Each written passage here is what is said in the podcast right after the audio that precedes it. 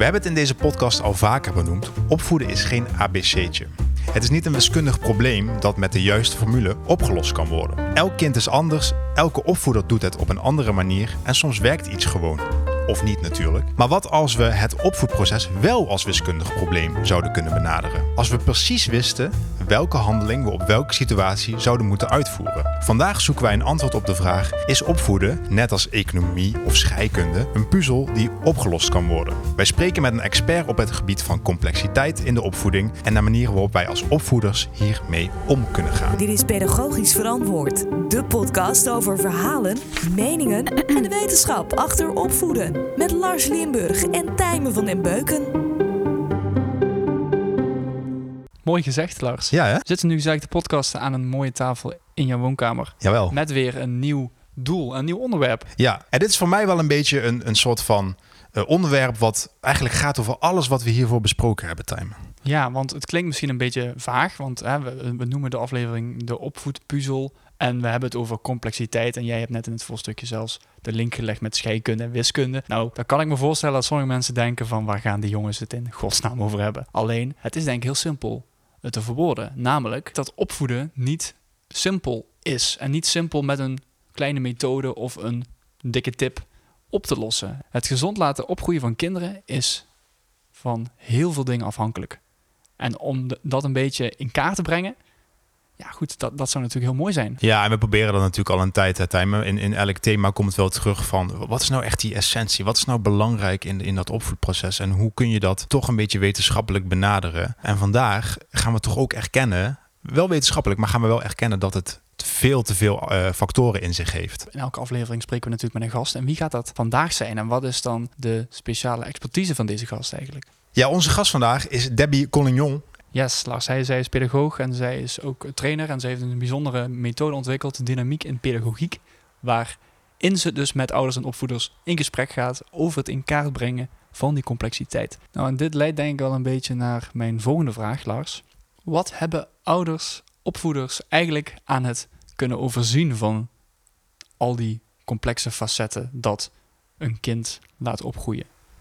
Nou ja, ik denk sowieso dat het voor ouders belangrijk is om door te krijgen dat ze niet uh, zelf de belangrijkste of de grootste factor zijn in, het, in de opvoeding van hun kind. Maar dat al die andere factoren ook meespelen en dat je eigenlijk alleen maar besef kan krijgen van die andere factoren. Het is wat, wat, wat wij ook al een beetje in de voorbespreking hadden van, je bent ook afhankelijk van waar een supermarkt staat, wat jij al zei, hè? waar kinderen hun broodjes kroket gaan halen, broodjes frikandel gaan halen. Daar heb je als ouder niet zo heel veel over te zeggen. Je kan wel je bewust worden van dat die factoren er zijn en dat dat invloed heeft op bijvoorbeeld de gezondheid van je kinderen. Ja, en het is ook vaak niet te overzien. Hè? Want inderdaad, wat jij nu al zegt, waar we het net over hadden, het zijn zo'n kleine details. Hè? Wie, uh, met wie je kind in de klas zit, wat daar weer de achtergrond van is, daar problemen zijn of die je kind beïnvloeden. Het is echt gigantisch groot. En ik denk ook, en dat is misschien wel te verwijten aan de moderne pedagogiek van tegenwoordig, waar wij ook voor een deel aan bijdragen, is dat er toch misschien een idee kan ontstaan dat het super maakbaar is. Ja, want we hebben allemaal methodes en tips. En wat je net zelf ook zei, daar hebben we ook afleveringen aan gespendeerd. Om bepaalde handvatten te bieden aan ouders en docenten. Alleen, uiteindelijk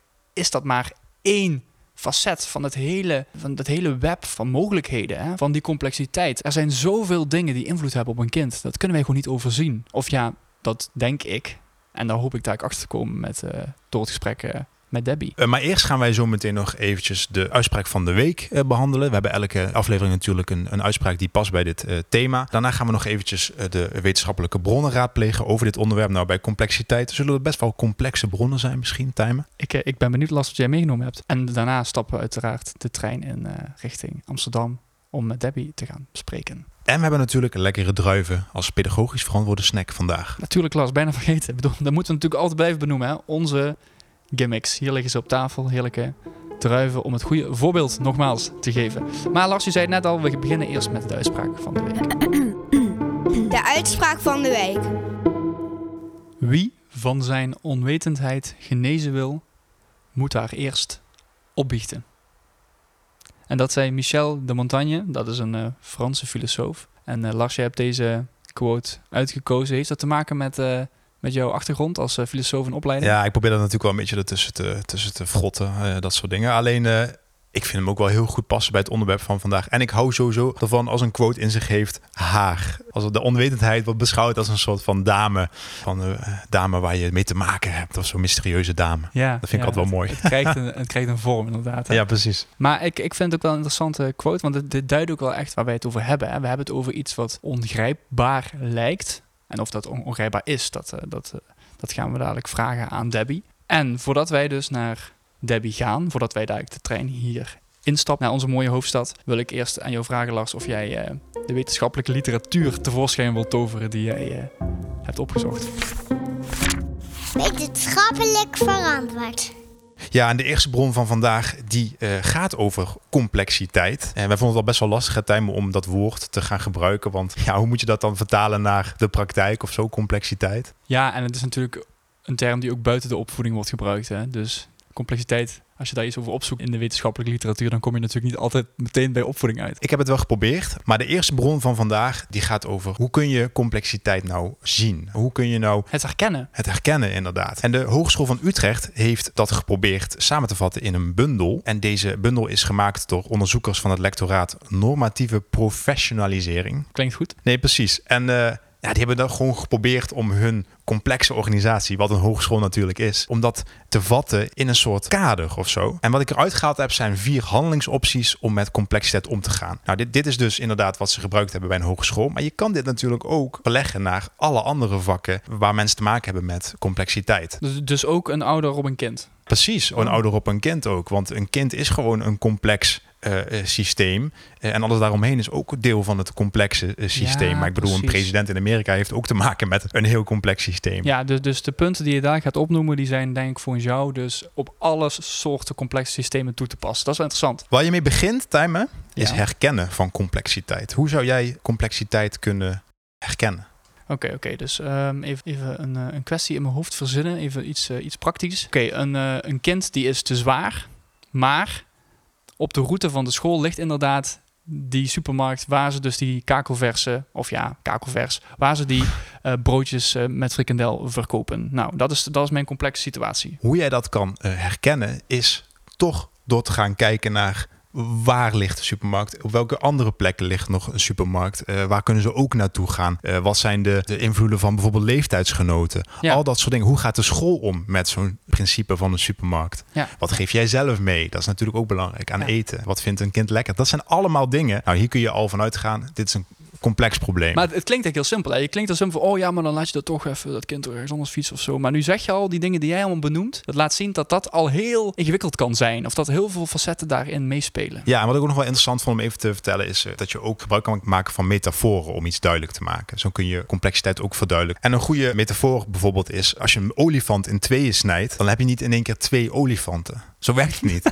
Snap je? Dat is een goed voorbeeld. Eh, dan heb je gewoon twee ingewikkelde delen van hetzelfde probleem. Zo werkt het gewoon. En als je, zo kun je het dus bekijken met, met metaforen is altijd alles eh, wat duidelijker te maken. Oké. Dus dat is een belangrijke. Zo kun je complexiteit herkennen en zo kun je ook dus opvoedingsproblemen eh, beginnen te herkennen. Wat is het eh, tweede punt, Lars? Je werkt op basis van principes. Dus je moet een houding aannemen om het onbekende te omarmen, te experimenteren, dialoog aan te gaan en geduld te hebben.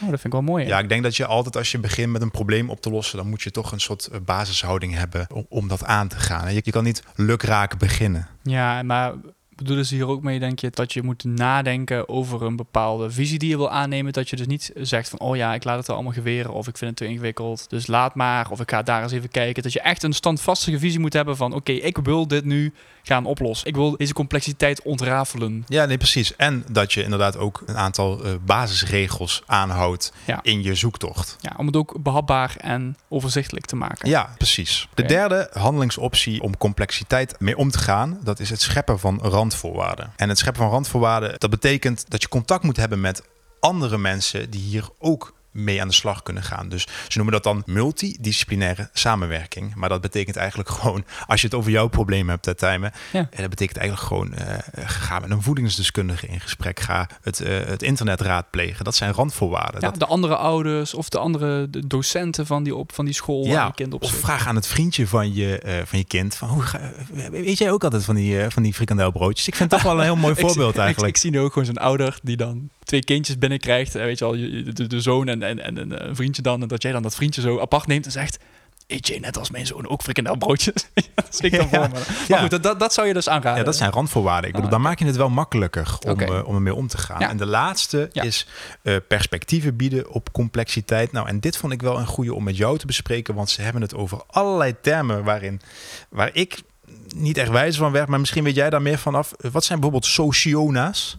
Ik heb geen idee, Lars. Nou ja, oké, dan komen we daar al niet verder mee. Maar het, het gaat over dat je door middel van opstellingen, verhalen en visualisaties de nieuwe inzichten kan krijgen op die complexe situaties. Oh, dus dat betekent dat je het gewoon in een bepaalde vorm moet zetten. Ja, ja, nee, precies. Bijvoorbeeld, je kan kijken naar, ja, dan ga ik toch weer naar die frikandelbootjes. Wat zijn de statistieken eigenlijk? Hoeveel worden er verkocht? Dat soort dingen. Dat, is, dat toch wel, dat maakt complexiteit Ja. minder complex. Ja, of, of inderdaad naar die, naar die, naar die, ja, die Google Maps erbij pakken. Die, die kaart van, oké, dus hij fietst altijd daar, nou, dan komt hij daar langs. Nou, als hij misschien die route... Weet je wel, dus echt een beetje het, het in kaart brengen. Ja, toch? Ja. Ik vind het voorbeeld vreselijk. Nee, maar inderdaad. En we moeten ook wel tegen ouders nog steeds zeggen... je moet nog steeds wel met je kind in contact blijven. Het is niet dat jij allerlei ra- randzaken opzoekt... zonder dat je echt nog met je kind praat over, eh, over het feit... dat die frikandelbootjes Ja. dit naar binnen Ja, gaan. Je moet je ook niet verliezen in het eh, ontrafelen van die complexiteit. Nee, maar ik denk dat ouders wel met deze opties, deze vier opties... toch een, ja, een nieuw beeld kunnen krijgen van complexe opvoedingssituaties. En dat vind ik wel heel mooi. Ik ben ook heel benieuwd hoe, eh, hoe Debbie aankijkt naar onze metaforen. Maar dat, ben ik, dat, dat gaan we dadelijk uitvogelen. Gaan we horen. Maar Lars, ik ben ook heel benieuwd naar de tweede bron die je hebt meegenomen. Het tweede artikel. Want volgens mij is dit ook wel een heel andere, maar toch super interessante stuk. Nee, dit is van, eh van J. Hermans. En dat is natuurlijk in Nederland een heel bekende hoogleraar op de pedagogiek. En hij is ook adviseur op het gebied van jeugd, jeugdbeleid en jeugdhulp. Eh, daar hebben wij in de opleiding natuurlijk ook wel eens wat van ge- meegekregen, Tijmen. Zeker. Eh, en in zijn reden in 2009 bij de aanvaarding van zijn emeritus hoogleraarschap stelde hij een paradox in Nederland. Want eigenlijk gaat het best wel goed met de jeugd in Nederland.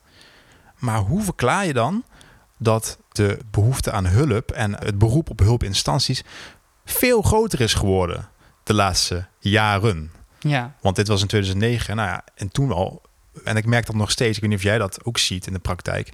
dat is dus een tegenstrijdigheid, hè, wat hij zelf ook zegt. Ja, En ja, daar kun je natuurlijk meerdere verklaringen voor verzinnen. En daar heeft hij vast en zeker ook wel wat verklaringen voor. Alleen, ik denk ook dat het ook de kleinschaligheid is van de nieuwe zorg die er is. Hè? En de nieuwe eh, methodes die allemaal ontwikkeld zijn. Ik denk voorheen, eh, als we het eigenlijk hebben over vroeger of zo, dan was die zorg niet zo goed geregeld als nu. Eh, maar wat wel interessant is, Tijmen, om als laatste nog te zeggen in deze bron van Hermans, is zijn oplossing voor dit probleem. Kijk, daar houden we van Ja. Lars, oplossingen. Ja, en zeker vandaag in die complexe complexiteit.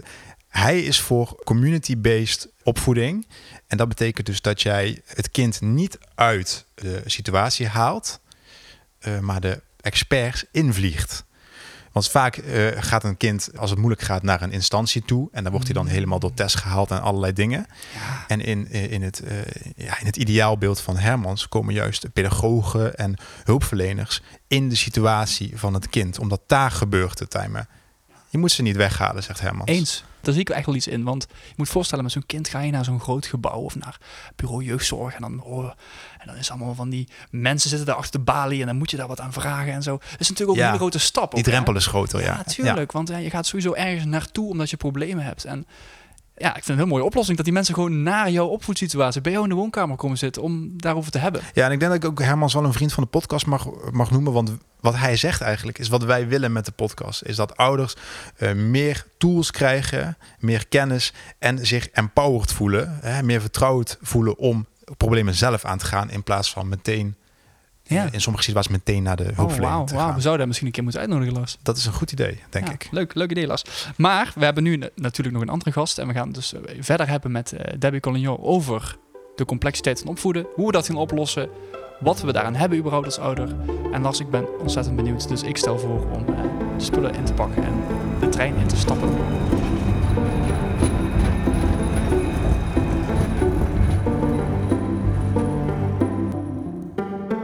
Deskundig verantwoord. Ja, we zijn naar een eh, lange treinreis in Amsterdam eh, beland. Bij Debbie Collignon, de gast van vandaag. Zij is pedagoog, trainer en oprichter van Dynamiek in Pedagogiek. Eh, maar voor ons vooral expert op gebied van complexiteit vandaag. En dat vooral in de opvoeding. Debbie, welkom. Dankjewel. Eigenlijk moet jij dat zeggen tegen ons. Ja, welkom hier in Ja. Amsterdam. Dankjewel uh, dat we hier mogen zijn. Ja, mijn eerste vraag is eigenlijk van... kun je je complexiteit eh, minder ingewikkeld maken, minder complex? Eh, het is complex, dus het is lastig. Maar het idee achter complexiteit heeft te maken met systemen. En in sommige gevallen krijgen systemen extra eigenschappen.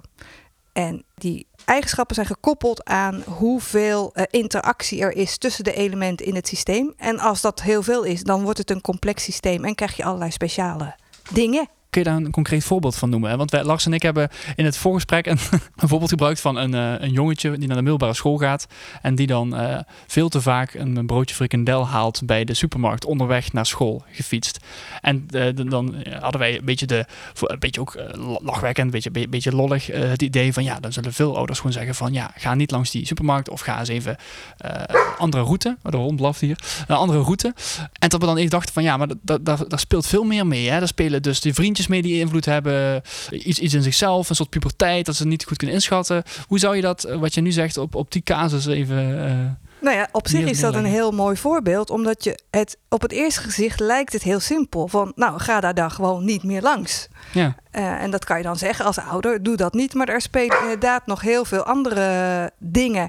Ten eerste van de om, verdere omgeving van de jongen. Zeker bij pubers natuurlijk krijgt de, de, de peergroep wordt veel belangrijker. En als die iedereen op die middag naar de snackbar gaan, dan ga je als puber blijf je niet achter.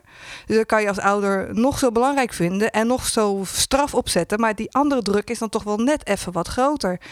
En dat geldt natuurlijk ook van hoe, hoe lekker vind je het? Zo simpel kan het natuurlijk ook zijn. Als je helemaal niet van vette dingen houdt, nou, dan is het makkelijker om dat uh, los te laten. Pubers groeien, zeker jongens als een malle, die hebben heel veel energie nodig. Yeah. Dus nog een extra reden om wel langs te gaan. Is er iets anders lekkers in de buurt? De kantine op school heel gezond. Bruin boterhammen mm. met kaas. Ja, dat gaat hem ook niet worden. Dus er zijn heel veel omstandigheden die maken dat iemand tussen de middag naar de snackbar gaat. En daar kan je als ouder uh, wat van vinden. En daar kan je wat van zeggen.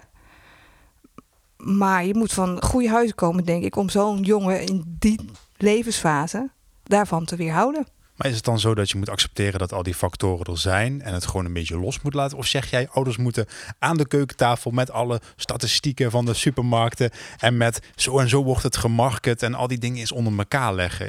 Zie je het dan zo voor je? Nou, ik denk dat het voor die leeftijdscategorie is denk ik het voorleven het meest invloedrijk. Dus als je een vader of een moeder hebt die zelf ook drie keer in de week patat haalt en zo, dan komt elke, welk voor statistiek je daar ook bij gaat halen, dat wordt natuurlijk volledig naast neergelegd. Dat, dat snapt uh, hopelijk iedereen. Tenminste, dat denk ik. Kennis is natuurlijk wel een ding. Het is slecht voor je. Het is slecht voor hart en bloedvaten. Maar ja, als zo'n jongen ook drie keer in de week sport, dan denk ik, dan zijn er wel ergere dingen als ouder om je druk over te maken. Dus het is ook afhankelijk van de situatie en het kind en uh, wat er omheen speelt en de leeftijd. Kijk, ik vind het voor een kind van zes of acht anders dan voor een puber van 12, 16, 18. Ja. En er zijn ouders die ook hun kinderen van 25 nog proberen te vertellen wat ze moeten eten. Dus, ja, weet de stad speelt ook mee. Hè? Dus ook, ook de leeftijd. Er zijn al zoveel facetten die meewerken aan uh, de uitkomst. En, en dat maakt het ook denk ik wel uh, complex. Dat maakt het ingewikkeld. Maar die ouders die willen vaak wel, of, of, of docenten in, in andere situaties, willen daar wel controle op uitoefenen. Hoeveel controle hebben die mensen eigenlijk achter de streep? Je moet een verschil maken, denk ik, tussen controle en invloed je hebt zeker in bepaalde leeftijdscategorieën natuurlijk heel weinig controle meer. Voor een puber, ik weet niet hoe jullie waren in de puberteit, maar het is nu misschien wel anders. Um, met nou, ik was best vervelend hoor. Ik ja, best nee, ben, maar er gebeurt natuurlijk gewoon ook heel veel buiten het zicht van ouders. En dat is eigenlijk ook gewoon best goed. Dat is wat een puber hoort te doen. En die moet dat zelf leren en die moet dat zelf ervaren. Dus je hebt daar heel weinig controle. Maar dat wil niet zeggen dat je geen invloed hebt. Wat ik zeg, dat je als je laat zien hoe dat jullie altijd gezond eten, dan geeft dat een andere boodschap dan wanneer drie keer in de week uh, patat haalt. Dus wat je doet en wat je zegt, heeft wel degelijk invloed. Je kan wel zeggen, het is niet goed, moet je niet doen. Ja, dat moet je vooral zeggen, denk ik. Ja, ja, en, Uh, maar of het effect heeft op korte termijn, weet ik niet. Op lange termijn, misschien. Ja, ja nu, komen we bij een best interessant punt. En dat is de maakbaarheid van de opvoedingen. Door al die methodes en door al die ehm, manieren van opvoeden... die Lars en ik ook in onze podcastaflevering hebben besproken... dan kunnen ouders ook de, al dan niet de illusie uh, hebben dat opvoeden een soort van uh, ABC'tje is en uh, 1 plus 1 is 2 en uh, ik doe dit en dan komt er dit uit, want deze methode zegt dat, dit boek zegt dat. In het allerdiepste van mijn wezen vind ik dat niet waar. Dat wil, dat wil niet zeggen dat het wat je doet geen invloed hebt, maar er spelen zoveel dingen en het is zo afhankelijk van de omstandigheden dat er geen regels voor zijn als je dit en hoe je dat ja. Een voorbeeldje over hoe, hoe autoritair je moet zijn als ouder. Hoe, hoe streng je moet zijn. Dat is... Ja, die hond die, die, wil echt meedoen, hè? Die wil echt meedoen. Aan het gesprek, ja. En hij kijkt ons ook nu aan van, uh, ik heb ook wat te zeggen. Ja, maar die hond die denkt van, van wat zijn jullie aan het praten? Ja, die, ik wil gewoon waarom, waarom gooit er niemand met die bal, denkt hij vooral. Wel leuk. En extra, extra gast in de podcast. Um, nee, maar hoe streng je... Kijk, in Nederland, of meestal in de westerse wereld... vinden we dat je heel veel moet overleggen... en je moet het in samenspraak doen. En dat heeft gemiddeld, statistiek gezien, de beste uitkomst. Als je in Manhattan, New York leeft, is het een heel ander verhaal. Daar zijn de ouders die heel autoritair opvoeden. Daarvan hebben de kinderen een betere kans op een goede toekomst. Zelfs een betere overlevingskans, omdat je daar te maken hebt met gang violence en zo. Als je streng bent en ze binnenhoudt, komen ze minder gauw in een gang. En dan is de kans dat het goed gaat allemaal een stuk beter. Dus het is ook nog heel erg afhankelijk van waar je woont en, en waartoe je opvoedt. Ja, moet het alle opvoedboeken die ik in mijn kast heb, eh, de, prullenbak eh, verdwijnen? Of, eh, of kan ik er toch nog iets uithalen wat daar gezegd Nee, ik zou ze zeker lezen. Want die dingen die erin staan, kunnen allemaal waar zijn. Voor jouw specifieke situatie, voor jouw specifieke kind en voor jou als persoon. Het is alleen jouw verantwoordelijkheid als ouder om uit te zoeken wat werkt en wat niet werkt voor jou in jouw omstandigheden, voor jouw kind. Dus er is geen recept, maar al die ingrediënten samen kunnen wel invloed hebben. Dus je moet een beetje zoeken en spelen en ook niet te bang zijn van dat, dat je het verschrikkelijk fout kan doen. Vind persoonlijk dat als kinderen leren dat ouders ook mensen zijn, dat ze dus iets fout kunnen doen, dat is een hele goede leerschool voor kinderen. Dat betekent dat ze zelf ook niet perfect hoeven te zijn. Dus het zit, overal zit wel wat in. Dus ik zou ze niet weggooien. Ik zou ze lezen. Maar ik zou ze niet als, uh, als recept gaan hanteren. Want dan kom je denk ik bedrogen uit. Je luistert naar Pedagogisch Verantwoord. De podcast over verhalen, meningen en de wetenschap achter opvoeden. Maar dan denk ik wel, hè, want je hebt ook situaties buiten dat frikandelbroodje. Ook, je kind kan ook aan de druk zijn. Wat nou als je door, door te kijken naar de correlatie met wat, wat werkt toch tot een sneller antwoord komt dan tot te kijken naar al die andere factoren. Dan moeten we toch juist die correlatie gebruiken. En die ja, je, moet, je moet er ook zeker naar kijken. En als je weet dat dat effect heeft, moet je daar ook naar kijken. Maar je moet niet denken dat als ik nu maar dit doe, dat het dan goed komt. Want de wetenschappelijk bewijs zegt dat dat zo is. Het wetenschappelijk bewijs zegt dat het in heel veel gevallen zo werkt. Ik ga even de bal zoeken, jongens. Ja. Helpt het als je gooit, of niet? Ja, maar het, hij, gaat, hij gaat weer terugkomen dan. Ja, ja precies. Dan, dan, dan hebben we eigenlijk het, uh, het spelletje. Het spelletje, ja. Nou, het, is wel, het is wel leuk, zo'n aanwezigheid. Voor de luisteraars die het niet zien, we hebben natuurlijk een hele mooie labradoodle hier uh, door de woonkamer lopen. Met een koeienkleur. Een koeienkleur, ja. Echt wel leuk. Debbie, zou je dit ook opvoeden noemen? Zo hoe je met een hond omgaat? Of is het toch wat, wat primitiever? Even, even om uh, het, even, eh, af te weken. Het, zit meer in de richting van conditioneren als psychologisch begrip dan als opvoeden. Maar uh, honden zijn best slim. In de zin van als een twee- of driejarige of zo vergelijken. Dus dat betekent, ze kunnen heel goed manipuleren, zoals je ziet. Ja, heel ja, Precies. ze saboteren de podcast. Hè. En dat is natuurlijk wel een vorm conditionering. Want als ik, als ik maar genoeg blaf, dan gaat zij vanzelf met die bal gooien. Ja, precies. Ja. Dat zijn die mensen die het belangrijker doen met die microfoons. Ja. Ja. ja. Dat is wel leuk voor bonusmateriaal. Hè, dit, ja, dat is zeker leuk. zeker leuk. Maar even om terug te, terug te gaan naar het, uh, het hele complexe gebeuren. Ja, als ouder wil je natuurlijk ook een soort hapklaar antwoord hebben. En soms zijn, wat, wat Lars ook net als voorbeeld noemt, uh, een situatie met drugsgebruik en zo. Ja, dan is wel de nood aan de man. Hè. Er, is, er is een gevaarlijke, misschien zelfs dreigende situatie. En waar je als ouder vanaf wil. Van, oh nee, dat wil ik niet. En dan moet er snel gehandeld worden. En ja, dan komt er inderdaad iemand, uh, zoals jij misschien in dit geval, die zegt, ja, maar het ligt aan heel veel factoren. Niet elke oplossing is een oplossing. Ja, die ouder die, die wil meteen actie. Die wil, hup, ik wil interventies plegen. Ja, nee, dat snap ik. En zoals bij heel veel dingen staat de veiligheid van het kind voorop. Als het nodig is, dan laat je zo'n kind gewoon opnemen als dat moet. uh, om buiten gevaar te houden. Ik denk dat het een illusie is dat als iemand drie maanden in de jellyneck heeft gezeten. En dat het enigste is wat gebeurt, dat het dan over is. Ondanks dat die verslavingsring misschien doorbroken is. Uh, dus je moet, de veiligheid van het kind staat altijd voorop. Ik bedoel, als de uh, loverboys-achtige dingen dat is, dat is, ook emergent gedrag van het systeem. Maar daarmee ga je het niet voort laten bestaan. Een verklaring van het gedrag is niet het betekent dat je niet weet wat je moet doen, betekent niet dat je niks moet doen. Ja, ja precies. Dus dat het bijvoorbeeld hè, een, uh, een kind dat uh, wordt gemanipuleerd door een loverboy, ja, daar zit natuurlijk ook wat in dat kind, wat daar gevoelig voor is, uiteraard. En daar moet dan ook naar gekeken worden, dat zeg je eigenlijk. Ja, dus dan, en dan, dan moet je natuurlijk om te beginnen dat kind uit die situatie halen. Maar als dat het enige is wat je doet, dan kan je er bijna donderop zeggen dat het over een jaar een, misschien niet direct een loverboy, maar misschien wel een, een, een, een abusive relationship in een, komt. Ik weet even het Nederlands woord niet, maar een, ja, ja, een geweldsrelatie-achtige dingen. Ja. In hoeverre heeft dat stukje jou dan echt geïnspireerd van ik wil hier ook echt mijn, mijn werk van maken? Ik wil dat gaan uitdragen. Nou, ik gaf uh, les op de master pedagogiek op de Hogeschool van Amsterdam. En in het vak jeugdzorg, onderwijs en jeugdzorg. En daar vertelde ik dat verhaal omdat ik daar zelf heel gepassioneerd over was, samen met mijn collega die datzelfde voelde. Toen ik dat verhaal vertelde, of we het verhaal vertelden aan studenten, blijkt ook dat bij hun er op een gegeven moment een, een knop omgaat, waardoor ze anders gaan kijken. Dingen als mishandeling wat je natuurlijk in de jeugdzorg jammer genoeg regelmatig tegenkomt, dat is niet de schuld van een ouder. Het is niet zo, dan moet die moeder maar gewoon stoppen met slaan. Want als ze dat kon, had ze dat al wel gedaan. Want de meeste mensen, nou 99,9 willen het beste voor hun kind.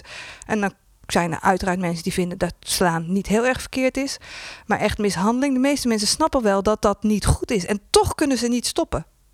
En dan helpt een, met een complexe blik kijken, helpt dan in de vorm van compassie naar de mensen met wie je te maken hebt. Snappen dat het allemaal helemaal niet zo simpel is. Stop dan gewoon met slaan. Ja. En zo moeilijk is dat toch niet? Dan moet je stoppen met snoepen, denk ik dan altijd. Dat is voor sommige mensen ook heel erg moeilijk. Dus sommige dingen zijn gewoon veel ingewikkelder dan je op dit eerste moment zou denken. En dat, als je dat snapt, als je dat ziet, dan geef je dat meer compassie naar mensen. Dat geeft je dat meer mogelijkheden ook. Ja. En het geeft je ook een een grond om over te praten met mensen. Van, ik snap dat het ingewikkeld is, dat het helemaal niet zo simpel is. En dan kan je gaan praten van wat is er aan de hand en hoe komt het en waar ligt er nog meer aan, wat zou je kunnen doen. En dan komen natuurlijk al die pedagogische dingen, zoals een gesprek voeren. Die komen, die komen dan ook allemaal aan de orde. Ja, dus je haalt eigenlijk de schuld weg bij de persoon uh, zelf. Dat, dat hoor ik heel erg in jouw verhaal terug. Um, ja, ook daarvan heb je weer een, schil, een verschil tussen schuld en verantwoordelijkheid. Het is, oh niet, het is niet jouw schuld, maar het is wel jouw verantwoordelijkheid als ja, ouder. Interessant, ja.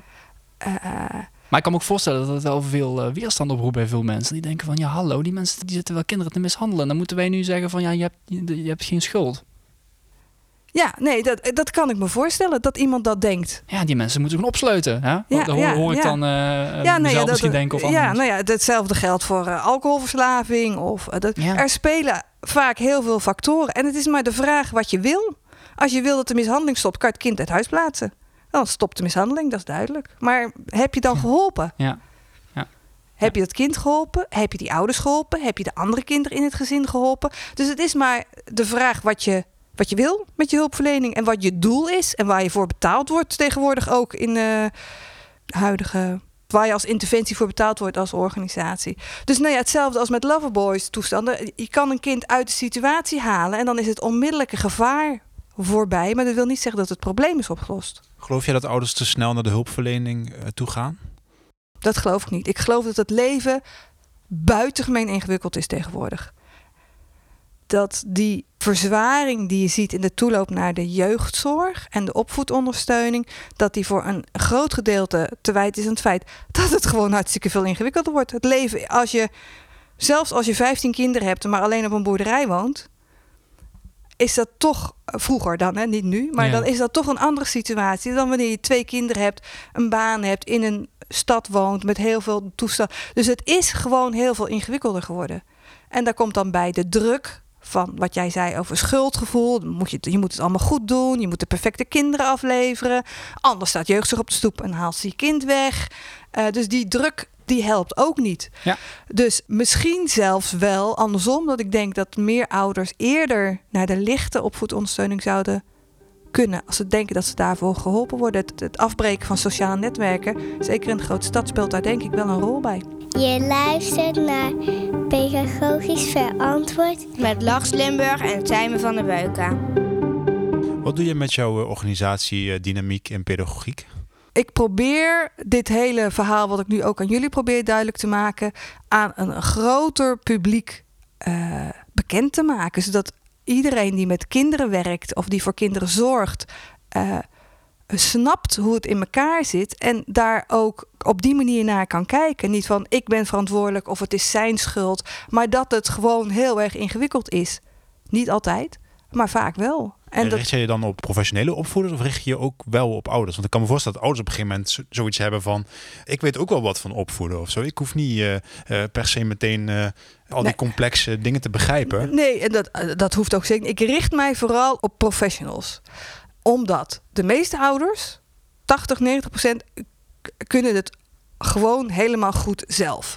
En... Goed om te weten. Goed om bij stil te staan, Tijmen. Ja, dat is, ja, zeker. Dat is altijd wel een dus mooie dat, inzicht. En als daar dan een keer iets fout gaat, lossen ze dat ook gewoon zelf op met een buurvrouw of met zichzelf of door een boek te lezen. Dus niet alles is gelijk een probleem. En soms is het gewoon tijdelijk. Ja, ik heb ook het idee dat veel ook pedagogen en mensen die eh, in de, in de opvoeding werken ook een veel uh, pessimistischer beeld hebben van, het, van de opvoedwereld. Omdat zij natuurlijk vaak en misschien zelfs alleen maar werken met de probleemgevallen. Waarin ze dus misschien denken van, oh, alles gaat ten onder, want ik, ik krijg toch elke dag weer nieuwe ouders in mijn praktijk. Ja, ja nee, dat, dat geloof ik niet. Ik denk dat uh, de 80-20 regels gaat in 80% van de gevallen goed en 20% fout. En van die 20 en 5% echt, echt fout. Ik denk dat dat een soort van universeel is. Ja. Dat als je dat over 100 jaar vraagt, dat dat nog steeds is over 100 jaar zien we waarschijnlijk wel andere dingen als probleem. Maar dat is. Ja, de, de problemen verschuiven. De problemen verschuiven. Maar in principe denk ik. Eh, en het zal het in. Nou ja, in 80% van de gevallen gaat het gewoon goed. En complexiteit is iets wat heel veel mensen wel aanvoelen. Dingen als. Ja, maar zo simpel is het niet. Dat klopt. Zo simpel is het niet. Ja. Professionals hebben de neiging gestuurd door de overheid om te zoeken naar snelle oplossingen die efficiënt werken, die effectief zijn. En dat is een loffelijk schreven, want het kost allemaal heel veel geld. Dus hoe sneller je oplost, hoe beter dat het is. Maar er is een percentage, en ik denk dat je dan in ieder geval die 5%, maar misschien ook wel die 10%, daarvan gaat dat gewoon niet werken. En dan moet je daar op een andere manier naar kijken, met een complexe blik. Maar dat neemt niet weg dat ook als je in de opvoedondersteuning zit en je ziet een probleem, dat je soms wel denkt, oeh, dit is toch wel wat ingewikkelder dan een kind dat niet wil eten als puber, als uh, peuter. Kun je een voorbeeld noemen van een praktijkvoorbeeld van waar professionals mee komen en wat complexer blijkt? Peuters die niet eten, dat is een, een leeftijdsgebonden probleem. Dat zal uh, in 90% van de gevallen is dat gewoon een fase en dat gaat wel weer over. Maar in een aantal gevallen is daar wat anders aan de hand. Ligt daar uh, seksueel misbruik onder? Ligt daar ziekte onder? Ligt daar uh, trauma onder? Er kan van alles aan de hand zijn. Maar in principe is bij de opvoedondersteuning, als je daar komt met een peuter uh, die niet wil eten, nou ja, weet je, vaste maaltijden, vaste regels. Dat is gewoon een, een, standaard lijstje dat wordt afgedraaid. Ook dat werkt in 80% van de gevallen. Wat ik een beetje meekrijg aan dit gesprek is het gevaar van tunnelvisie eigenlijk. Ja. Dat is eigenlijk wel waar het over gaat. Ook, uh, dat kan heel schadelijk zijn. Als je alleen maar vanuit één perspectief het bekijkt, dan gaat het natuurlijk niet goed. Ja, maar wat is het er bijvoorbeeld een, een gevaar aan bijvoorbeeld alleen maar luisteren naar één soort schrijver of alleen maar naar de persoon uh, bij het consultatiebureau? Moet je echt meerdere bronnen raadplegen als ouder om een goed beeld te krijgen van de opvoeding? Als je als ouder je niet comfortabel voelt bij de dingen die jou verteld worden, dan moet je verder gaan kijken. Als je, als je denkt van, nou ja, weet je, ik geloof het wel en ik zie dat en ik zie dat het werkt en weet je, dan zou ook, ook al is dat maar één persoon. Voor, gewoon voor de rest van je leven, heel, ja, even heel extreem voorbeeld hoor. Maar uh, bijvoorbeeld, ik ga alleen maar bij, die, bij mijn oma. Ik ga alleen maar naar mijn oma voor opvoedtips. En voor de rest spreek ik niemand. Is dat, is dat volgens jou goed en ja, houdbaar. dat ligt aan de opvoedtips. In hoeverre die passen voor jou en die passen voor jouw kind. En dus zolang jij je daar goed bij voelt en je hebt, bent blij met het resultaat, zou ik me daar als ouder niet druk over Nee, maar maken. Tijmen kan wel een soort tunnelvisie hebben. Op Jawel, oma. maar als het, als, er- als het kind geen probleem heeft. Ja, ja. ja, je moet dus ook altijd kijken van hoe komt het kind eruit. Als het kind op een gegeven moment raar gedrag gaat vertonen, dan ga je weer kijken, hé oma, eh, wat is dit? Heb je altijd wel het juiste tegen mij gezegd. Ja, en dan vind ik een oma nog een bijzonder geval. Want een oma heeft genetisch verwantschap. En heel veel. Oh, die herkent eigen gedrag of zo? Ja, die, dus die ja. zal haar eigen kinderen opgevoed hebben op een bepaalde manier. En dat zijn dan jouw ouders. Dus die hebben jou opgevoed op een bepaalde manier. En er zitten natuurlijk karakteristieken in die erfelijk bepaald zijn. Dus de tips die zij geeft, daarvan denk ik, die zouden wel eens een betere kans hebben om te werken. Oh. Omdat dat een soort gelijk kind is. Een beetje heel erg kort door de bocht. Maar Ja. dingen als eh, gevoeligheid voor eh, straf bijvoorbeeld, dat zijn dingen die erfelijk bepaald zijn. Ja, dat is natuurlijk Oh. heel anders als je een kind hebt die daar heel gevoelig voor is. En er zijn ook kinderen die het echt maakt niet uit wat er gebeurt. Die doen gewoon een ding wat er ook tegenover staat. Dus dat soort dingen helpen wel. Dus ik zou de tips van je oma eerder opvolgen als tips van je Ja, buurvrouw. dat is interessant, want we willen binnenkort al nog een keer een podcast maken over de rol van grootouders en de opvoeding. Dus dan is dit misschien een leuke openingsding. Ja, ik Eh, moet nog wel even één ding aftimen. Want ja. we hebben het dus ook over een soort helikopterview. Hè? Kun je ook te veel helikopterview hebben dat je te veel alle bronnen wil raadplegen? Dus eigenlijk tegenoverstellen wat Tijmen net zei. Dus Die angst heb ik dan meer, omdat het je kan weerhouden om te handelen. Dus zolang je maar blijft zoeken naar dingen zonder dingen uit te proberen. En, en dat, dat klinkt natuurlijk heel vervelend, hè? uitproberen van de, op de opvoeding, zonder dat je het zeker weet. Maar ja, weet je, Ja, dat is het wel, ja. toch? dat Ja. is het. Je moet kijken wat werkt voor jou en je kind in dat jij die nog het, omgeving. het tiende boek over drugs aan het raadplegen bent, terwijl je kind al lang bij eh, de ergste soort drugs Ja, eh, ergens beland onder een brug ligt, Ja, nee, ja. precies. Dus zoeken naar informatie is goed, maar het moet je niet weerhouden om te handelen. En als je nou niet weet wat je moet doen, doe dan gewoon wat. En kijk wat er gebeurt. Is het iets waarna het helemaal fout gaat? Nou, Oké, dan gaan we dat niet meer doen. Maar probeer dan wat anders. Maar zeker als het fout gaat of fout dreigt te gaan, is niet handelen, denk ik, gevaarlijker dan het verkeerde doen. Oh, ja. ja, interessant. Kijk, iemand luistert deze podcast, een ouder of een docent, en die denkt van, oh, het is interessant wat die Debbie zegt. Hoe kan ik dat nu, vandaag, al in de praktijk brengen, die, dat overzicht in die complexiteit? Maar waar Eh, kunnen ze mee beginnen? Dat is stap 1. Stap 1 is uit je tunnelvisie stappen. Dus gewoon breed gaan kijken. En het gevoel wat je hebt van... ja, maar dat kan niet alles zijn, eh, dat gevoel honoreren. Een mens is tot heel veel complexe dingen in staat... die die eh, niet in taal kan vatten. Taal is per definitie lineair. Dus je kan het niet vertellen... eh, maar je kan het vaak wel voelen op een of andere manier. En omdat je het niet in taal uit kan drukken... is het soms heel handig om plaatjes te maken. Welke invloeden eh, leven er nou een allemaal? moodboard. Ja, een moodboard bijvoorbeeld. Van wat speelt er nou allemaal? En dan vooral kijken naar wie beïnvloedt wat. En eh, wat kan ik daaraan doen? Dit is pedagogisch verantwoord. Echt zoals in de systeemtherapie, gewoon poppetjes tekenen en lijntjes trekken. En, Poppetjes tekenen, lijntjes. En dan poppetjes is misschien te simpel. Omdat één poppetje kan staan voor heel veel verschillende eigenschappen. Dus Ah, ja. een poppetje kan stress zijn. Maar dat kan ook hulp zijn. Of het kan, eh, nou ja, eh, ja. het kan van alles zijn. Eh, eh, dus ik zou dan vooral die dingen waarvan je denkt dat het invloed heeft. Dus als we het voorbeeld van eh, Loverboys nog even nemen. Wat maakt dan dat dit meisje meestal in deze situatie belandt? Daar zit waarschijnlijk een psychologische component in. Dat is redelijk onderzocht dat dat zo is. Daar zit een omgevingscomponent in. Dat is ook redelijk onderzocht. Maar de omgevingscomponent, ja. Wat dan? Hoe dan? Wat is er dan aan de hand? Zijn die vader en die moeder nooit aanwezig? Is dat het? Of is die vader gewoon een eikel en moet die buiten beeld? Wat is er, wat is er precies aan de hand en hoe beïnvloedt dat dit gedrag? En dan krijg je hele ingewikkelde tekeningen waar je soms wel iets uit kan halen. Maar zo'n tekening is heel mooi om daarmee over te praten. Ook met je kind bijvoorbeeld? Het- eh, Voor een puber? Ja, zou ik zeker doen. Voor, een klein- kleiner niet. Maar als je gaat praten, dan komen er ook vaak dingen tevoorschijn van... oh ja, maar zo is het niet. Het is niet dat ik gestrest ben. Het is dat ik... Ik vind het gewoon eikel. Dus daarom ik doe ik vind het het niet. wel een heel mooie tip hoor. Want ik vind het ook heel fijn als ik iets niet goed begrijp, visualisatie te maken. En dan wordt het veel inzichtelijker. Ik heb dat zelf ook, uh, dat dat heel prettig is. Inderdaad. Ja, en het, het, simpelste wat je kan doen, het is ook wat jij zegt, om tunnelvisie te voorkomen, handiger om dat met twee of drie mensen te doen. En liefst nog met twee of drie verschillende disciplines. Dan geef je iedereen een stapel geeltjes. Laat iedereen mijn oorzaken opschrijven.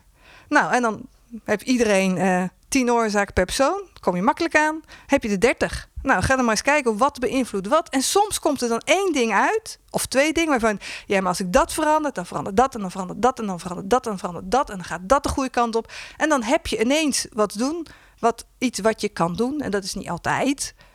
Maar het geeft wel aanknopingspunten vaak. Ja, ik vind het wel grappig dat we erachter komen gedurende dit gesprek dat we moeten eigenlijk erkennen dat opvoeding complex is.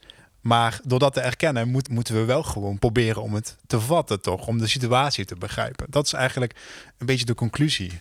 Ja, we kunnen wel aan de slag. Dat is in ieder geval wel. Ja, je, moet, je, je kan aan de slag en je moet gewoon wat doen. Als, je, als het feit En als het goed gaat, doe dan gewoon wat je altijd al gedaan hebt. Ja, ja weet je, ook een mooi inzicht hoor. Dat is ook wat, wat veel mensen misschien ja, het, het, weet je, dat, niet begrijpen. Het, kind, dat, dat gaat bijna altijd wel goed. Zelfs als je fouten maakt. Zelfs als het niet optimaal is. Zelfs als je driehoog achter woont en niet buiten kan spelen. Dan nog komt het in bijna alle gevallen gewoon wel goed. Ja. Dus als er geen problemen zijn, maak dan ook geen problemen. En laat het dan maar gewoon uh, gaan. En dan komt het waarschijnlijk vanzelf wel goed. Dus uh, probeer ook geen perfecte kinderen af te leveren. Er zijn heel vervelend perfecte kinderen. Die wil ook niemand hebben. Ja. Dus het zal, je, het zal je werknemer zijn, zo'n perfect iemand. Daar word je ook niet blij van. Ik vroeg me toch nog wel af, Debbie. Eh, in deze is het toch wel interessant om te vragen van... Je zegt heel veel gaat vanzelf in de opvoedingen. Kinderen zoeken toch wel hun leermomenten en hun trekken hun lessen. Heb jij in je eigen jeugd wel iemand gehad waar die toch invloed heeft uit weten te oefenen op jouw ontwikkeling? Nou ja, mijn ouders hebben, hebben heel veel invloed op mij gehad. Ik weet niet of ik eruit gekomen ben zoals zij wilden dat ik eruit gekomen ben. Ik, weet je, ik heb het goed hoor, dus ik geloof niet dat ze er echt problemen mee hadden. Maar er zijn natuurlijk wel dingen de waarde van familie bijvoorbeeld. Dus het feit dat ik terecht kan bij mensen altijd. Dat is iets wat mij enorm heeft geholpen. Want als er wat is, dan kan ik altijd terecht bij mijn ouders, maar ook bij mijn ooms. Als mijn oom zegt, of mijn neefje zegt, kan ik even bij jullie? Ja, weet je, kom maar. Dus dat is een steunbron voor mij, die ik meegekregen heb van mijn ouders. Het heeft wel of het mij bepaald heeft als mens, is een ander verhaal. Maar het heeft mij wel gevormd. Ja, interessant. Dus het heeft ook echt uh, invloed op al die, die facetten. Maar dat dat niet per se een, een life-changing uh, moment nee. is. De doorslag geeft het niet. Nee, nee. het, heeft, nee het, het, had een doorslag kunnen geven als er ooit een situatie was geweest waarin ik dat heel erg nodig had gehad. Ja, ja, ja, als Dan had het een doorslag. Maar in mijn geval, weet je, heeft het niet zoveel invloed. Ja, of je vond het ergens anders natuurlijk. Dat kan ook hè, bij je. Uh, ja, weet ik veel, bij de voetbalclub of zo. Daar ja, daarom. Dus dit, je voegt een specifiek voorbeeld voor ja, mij. Ja, nee, dus, dus dit is wat. Uh, ja. Maar en voor iedereen is dat anders. En dat wil helemaal niet zeggen dat als je dat niet hebt meegekregen, dat het dan voor jou niet goed komt. Ja. Dan kan je dat of op een andere manier, of misschien heb je dat helemaal niet nodig. Ja. Hey Debbie, je bent in een gat gesprongen hè, eigenlijk van complexiteit en pedagogiek, die combinatie. Gaan we dat terugzien de komende uh, tien jaar bijvoorbeeld, dat begrip? Ja. Dat weet ik redelijk zeker. Ik zie dat het op verschillende masteropleidingen, bij de masterpedagogie komt aan de orde. De Hogeschool Utrecht bijvoorbeeld heeft daar, uh, zit er in het onderwijs in. Niet zozeer in de pedagogiek om een of andere reden.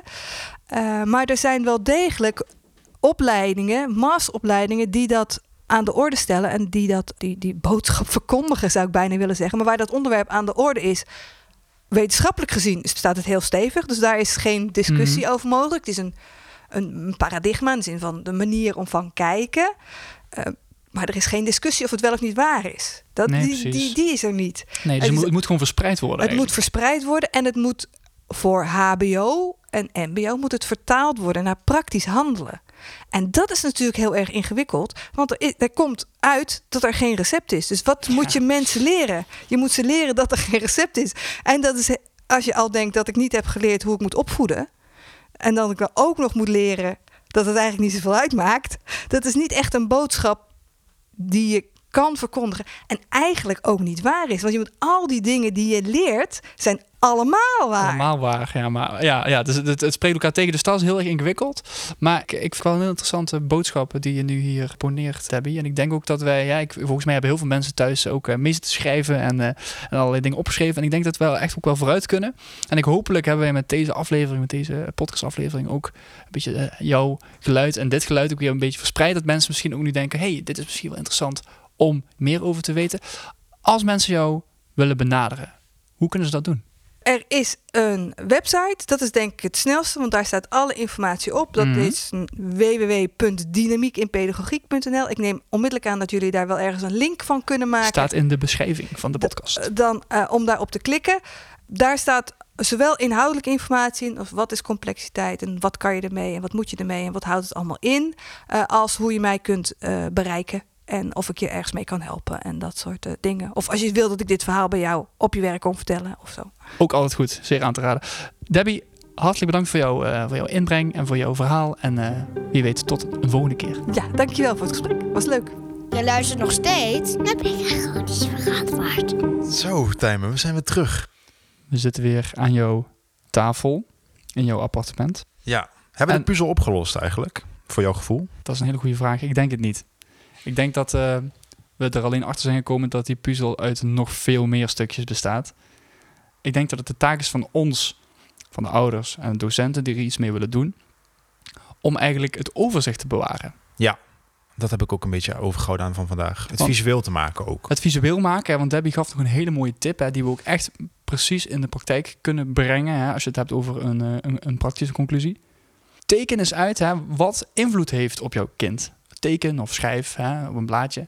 Dat kan door middel van poppetjes tekenen of zo. Maar gewoon maak een soort van schema, maak een soort van tabel om dat overzicht te creëren. Zodat je ook echt weet van oké, alles of heel veel heeft in ieder geval invloed op de ontwikkeling van mijn kind en hoe ja, het en dat kan bepaalde komt. met jouw familieleden of met jouw partner, maar kan ook met je kind zelf. Hè. Als je het op een bepaalde simpele manier doet, dan kun je ook dingen inzichtelijk maken. En dan geeft, zij de, geeft jouw kind daar weer een bepaalde input in en zo. Zo maak je het duidelijker. Ja, en we hebben natuurlijk hè, met, met iemand gesproken die vanuit een systemische uh, wijze denkt.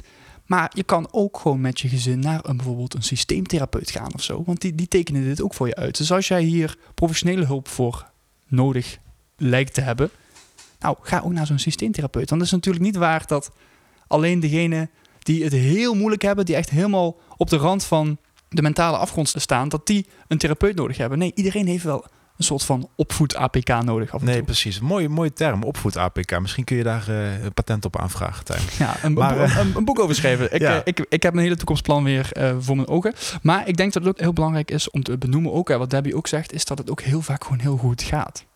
Ja, in de meeste vaker uh, hebben, die, hebben dat uh, erkend gezien. Ja, eigenlijk. En, en, dat is ook altijd wel even fijn om dat te benoemen. Het gaat goed af ja, en toe. Nee, zeker. Dus ja, als we het hebben over pedagogisch verantwoord. Heel veel mensen doen het ook gewoon goed. Ja, ook, maar het is wel interessant, want we hebben natuurlijk deze aflevering zijn we begonnen met de vraag van kun je opvoeden net als wiskunde exact maken, input, ja. output.